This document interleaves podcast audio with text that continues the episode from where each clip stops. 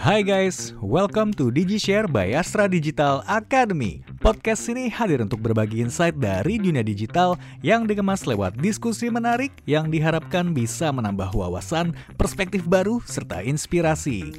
Melanjutkan episode customer feedback sebelumnya, kita masih bersama Muhammad Nadlir, konten editor Astra Digital, dan Dani Maimun, produk analis CFID Astra Digital. Keduanya bakal ngebahas lebih dalam seputar materi feedback tersebut. Biar nggak penasaran dan makin mantap ilmunya, langsung aja let's hear them out.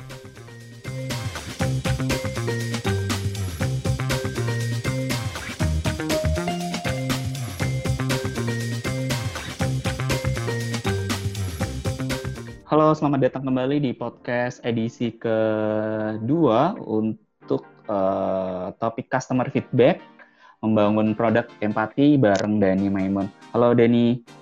Halo Mas Nadir. Kita ngobrol lagi ya lanjut seputar okay. uh, customer feedback. Kalau di obrolan sebelumnya kan kita ngebahas apa sih customer feedback, penting nggak sih, kemudian study case, kemudian kenapa harus gitu loh itu dilakukan gitu. Nah, mungkin kita akan bahas uh, lebih teknis ya. Gimana sih caranya untuk ya mengenal customer atau gimana sih caranya mendapatkan feedback itu? Apa yang harus disiapkan oleh brand atau produk? Sebenarnya uh, feedback itu didapatkan itu bermacam-macam ya. Misalnya uh, sebenarnya banyak hmm. metode buat mendapatkan uh, feedback customer. Misalnya salah satu contohnya kayak di Google Play Store, misalnya kan ada review, misalnya review apps misalnya uh, produk berbasis apps berarti ada ratingnya itu uh, termasuk salah satu hmm. feedback Terus buat uh, produk sendiri biasanya kebanyakan sih uh, NPS sih net uh, net promoter score itu tujuannya buat apa sih itu uh, NPS itu merupakan sebuah ukuran atau meter loyalitas yang cukup banyak digunakan dalam praktik bisnis dan perusahaan sih nah tujuannya itu kayak kita NPS ini mampu menunjukkan secara langsung maksudnya tipe konsumen yang loyal dan memberikan prediksi tingkah laku mereka terhadap suatu produk yang sedang dikembangkan. Nah, hmm. biasanya hmm. Pak NPS ini itu uh, hanya ada satu biasa ada pertanyaannya hanya satu aja dan uh, biasanya yang dipertanyakan itu uh, contoh pertanyaan ini sih seberapa besar Anda ingin merekomendasikan produk ini pada misalnya teman Anda atau uh, pada tangga atau siapa pun. Nah, biasanya uh, customer oh, akan menjawab uh, dari uh, skor dari 0 eh dari 1 sampai 10. Nah, kalau satu itu uh, paling tidak direkomendasi sama sekali sedangkan kalau 10 itu uh, sangat ingin merekomendasikan. Nah, kalau misalnya okay. itu buat uh, brand. Mm -hmm. Nah, Biasa. maksud gue kalau misal gimana? Maksud gue kalau misal tadi kan lo uh, ini ya um, lebih gimana ya? Um, kalau tadi kan ada sebenarnya ada ada banyak medium kan melalui kayak ya, NPS betul. tadi gitu. Sebenarnya sebenarnya kalau misal di di kekinian kan kita customer feedback itu kan bisa juga ya lewat kayak misal media sosial atau kemudian kalau misal kita belanja lewat ya mungkin ya media marketplace apakah Shopee, Tokopedia dan lain-lain. Mm-hmm. Komentar atau review itu itu bagian dari customer feedback nggak sih?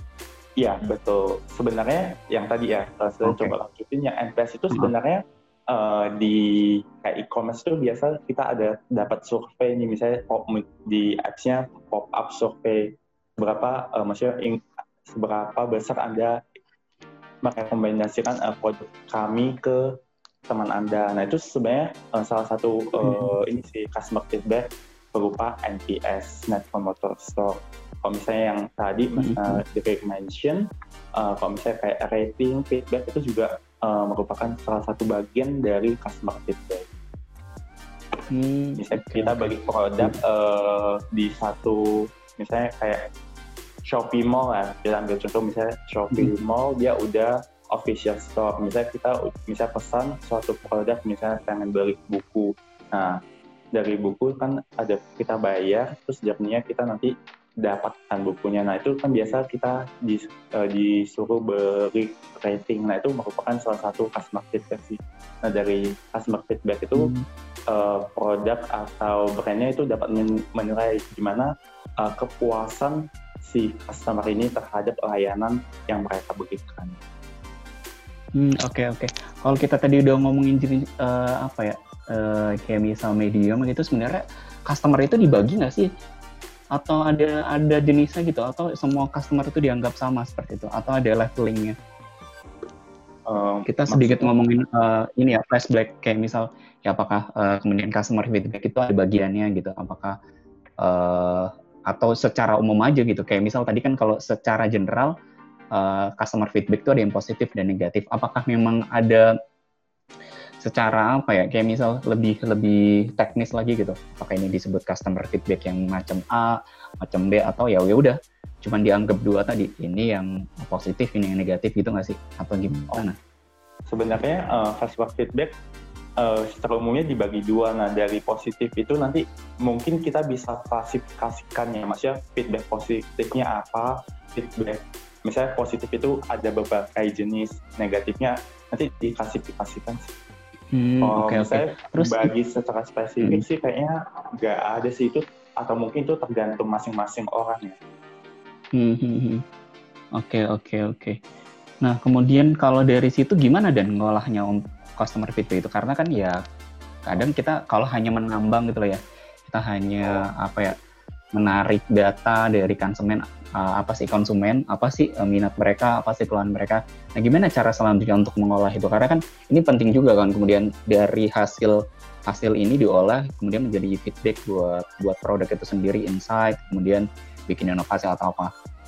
Untuk mengolah customer feedback itu kan sebenarnya kalau customer feedback itu kita dapatnya secara uh, kuantitatif ya. Soalnya kan itu kayak uh, survei atau enggak kayak sesuatu yang kuanti yang, yang dapat diukur Nah, biasanya dari hasil customer feedback itu kan kita uh, kelompokkan dulu berdasarkan jenis uh, feedbacknya. Misalnya feedbacknya negatif terkait misalnya apa.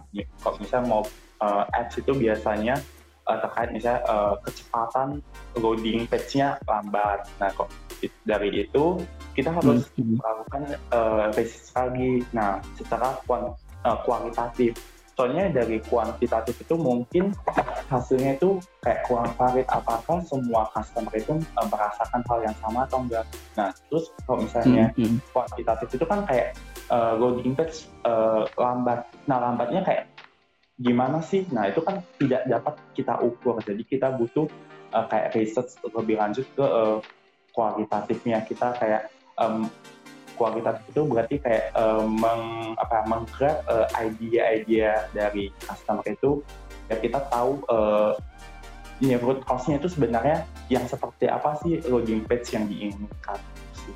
Nah dari oh, itu baru kita bisa um, ini ya melakukan uh, improvement atau perbaikan dari customer feedback yang kita dapat oleh sebenarnya kalau misal tadi itu dibagi nggak sih kayak misal ada sih feedback customer yang terkait dengan teknis misal kayak loading web yang terlalu lama apps yang terlalu lama atau kayak misal uh, ada lagi customer feedback yang uh, ini dong tolong di ini dong diperbanyak dong uh, misal nih uh, jenis aneka barangnya yang dijual atau apa kayak gitu itu dibagi lagi yang so, atau gimana?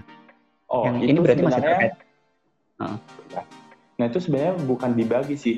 Lebih ke pengelompokan apa yang apa yang ingin kita tahu tuh apa yang ingin ap, gimana apa yang customer rasa itu dibutuhkan. Misalnya uh, dari customer butuh pengen banyak produk nah, nah itu dari situ kita uh, mengklasifikasikan produk seperti apa sih yang mereka inginkan itu sih. Sebenarnya lebih ke grab uh, ideation aja buat uh, insight kepada tim produk itu buat memberikan uh, yang memberikan atau menciptakan uh, sesuatu yang sesuai dengan keinginan customer sih. Oh oke, okay. berarti di sini ya proses pengolahan yang penting tadi ya untuk kemudian menjadi insight bagi produk ya? Iya betul. Di situ, oh, maksudnya oh, itu okay. yang paling penting sih sebenarnya buat uh, gimana cara kita mengelola uh, customer feedback. Oke, okay. Nah kalau gitu sebenarnya customer feedback itu bisa dilakukan ketika produk itu sudah running, sudah rilis, sudah jalan, sudah besar, atau uh, customer feedback itu bisa dilakukan sedari awal. Artinya mungkin proses build apps atau proses mau membangun produk kayak gitu atau gimana? Atau dua-duanya bisa sambil jalan? Sebenarnya customer feedback itu dibangun mulai dari awal sih, maksudnya sebelum produk itu muncul, harusnya customer feedback itu sudah harus ada. Soalnya kan uh, produk itu seperti yang gue sampaikan di awal bahwa adanya sebuah produk atau brand itu kan tergantung customer. Jadi customer uh, menjadi fokusnya sih. Jadi sebelum kita bangun sebuah produk, customer juga harus udah uh, ini masuk ke dalam uh, interaksi produk yang ingin kita bangun sebelum ada produk sebelumnya sebelum ada brandnya customer juga hmm. harus dilibatkan dalam proses uh, customer feedback sehingga hmm, nanti kalau misalnya okay. produknya udah misalnya udah uh, gimana udah ada atau Ani, udah kita rilis ada, udah running atau rilis di oh, pasar itu maksudnya customer feedbacknya itu udah yang uh, lebih ke improvement bukan uh, lagi dari hmm. bangun di dari awal sih Hmm, oke okay, oke. Okay. Nah, kalau kalau gitu ada berarti um, harus dilakukan seberapa sering sih kalau begitu? Kalau misal nih produk ini sudah ada atau atau produk ini belum ada gitu, terus kemudian harus berapa lama sih dilakukan gitu? Kalau misal misal produk itu belum ada kan berarti artinya itu harus dilakukan lebih dulu dong. Ya. Tapi kemudian kalau misal produknya sudah ada, itu harus dilakukan seberapa sering dan berapa lama? Idealnya. Kalau produknya sudah ada, idealnya biasanya uh, tiga bulan sekali atau enggak enam bulan sekali sudah cukup. Tiga bulan sekali?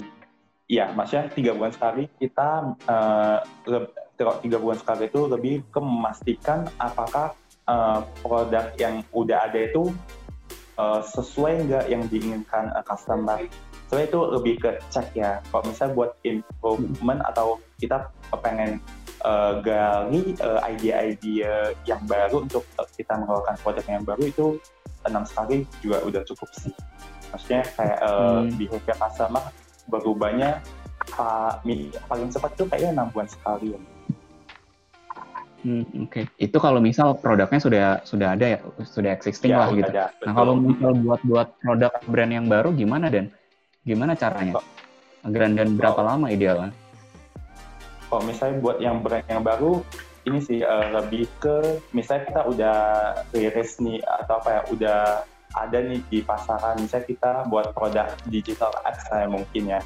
Kayak misalnya uh, kita udah ada rilis uh, feature baru ini. Nah itu kita uh, biasanya kayak kita testing dulu satu bulan. Nah dari satu bulan itu kita uh, minta customer feedback sih. Maksudnya kayak adain uh, survei customer feedback uh, terhadap produk yang baru kita launching.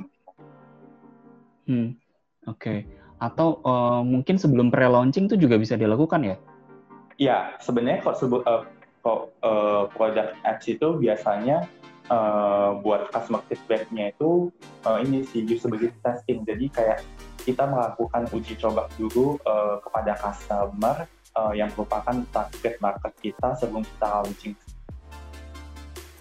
Oh, yang satu bulan tadi ya maksud lo ya?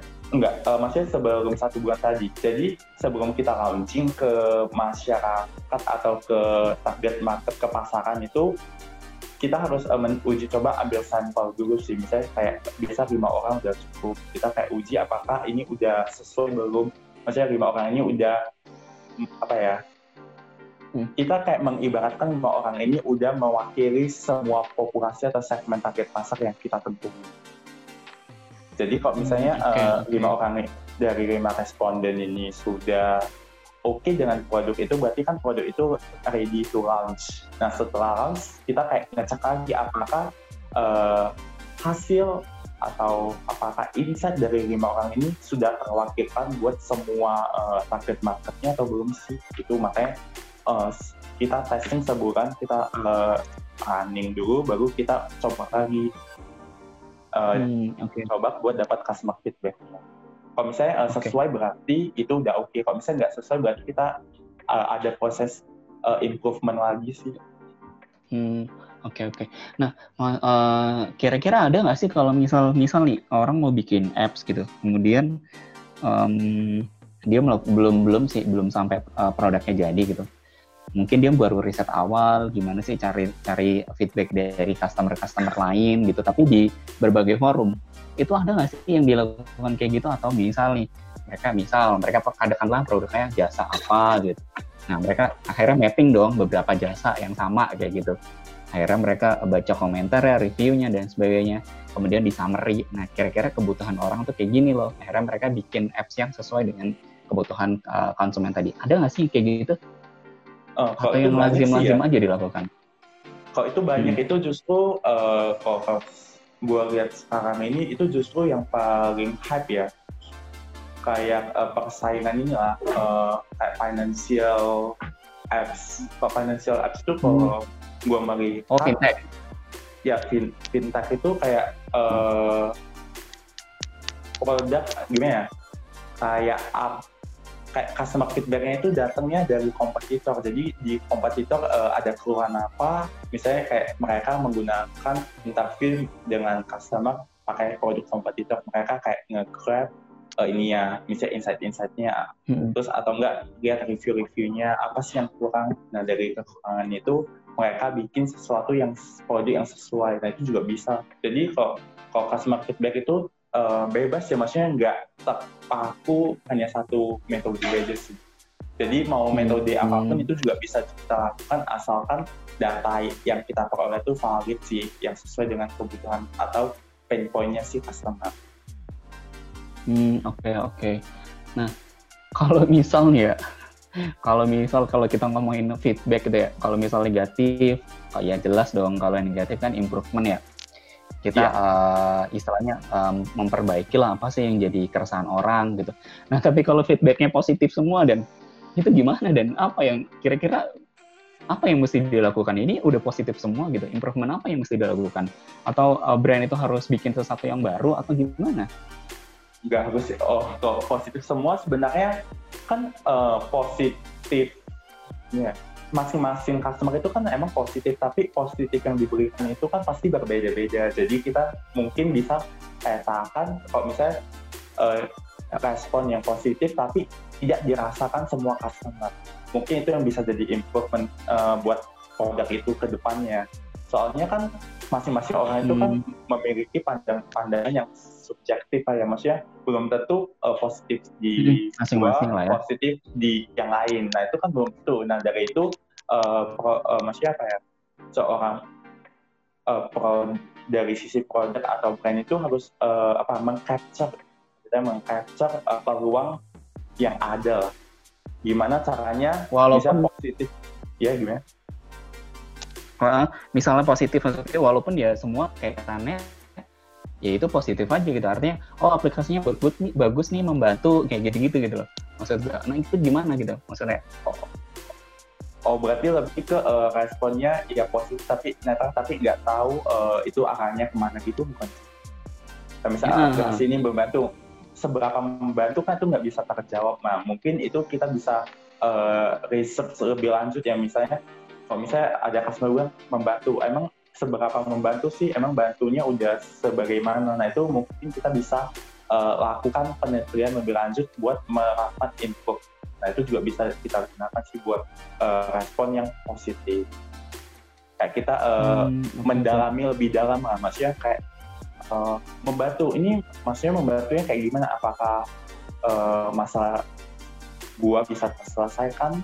Atau membantunya uh, membantu buat semua orang kah atau kayak gimana harus kita cari lebih dalamnya. Hmm oke okay. oke. Okay. Nah ini kita sedikit itu lagi uh, tarik ke belakang lagi. Sebenarnya fase krusial um, sebuah produk atau brand itu apa istilahnya harus mendengarkan atau harus mendapatkan feedback itu kapan sih? Artinya kayak misal nih produk ini baru jalan nih. Nah tadi kalau misal lo bilang idealnya dilakukan setiap tiga bulan sekali ya idealnya gitu kan customer mm -hmm. feedback untuk iya. mendapatkan yeah. itu. Nah kalau untuk produk yang baru itu ini kan produk yang baru ini kan jelas dong mereka butuh masukan dong, butuh banyak masukan kayak gitu. Nah fase fase krusial itu ada di mana? Apakah tiga bulan pertama tadi atau gimana? Sampai akhirnya uh, produk ini bisa bisa running smooth, artinya nggak ada keluhan, tetap pasti ada keluhan, tapi kemudian cukuplah untuk bikin puas usernya gitu. Karena kan namanya produk baru itu kan kalau misal orang kecewa kan biasanya mereka langsung hit hand, hit and run gitu loh. Jadi mereka yeah. setelah install, tiba-tiba nggak puas, mereka bisa jadi langsung uninstall dan mereka nggak akan balik lagi. Kan di mana fase krusialnya? Wow, fase krusial buat produk uh, digital ya, khususnya itu kayak hmm.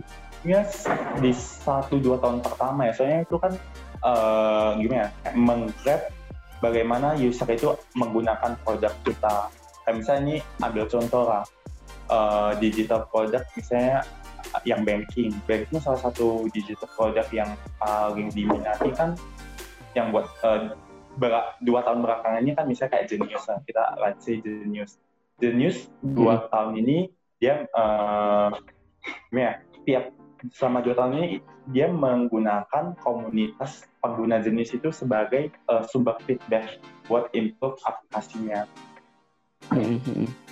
Jadi uh, maksudnya kalau buat pada digital itu uh, kalau misalnya ambil best practice itu sekitar satu sampai dua tahun sih buat uh, mengetahui apakah produk itu bisa uh, sustain di pasaran atau enggak.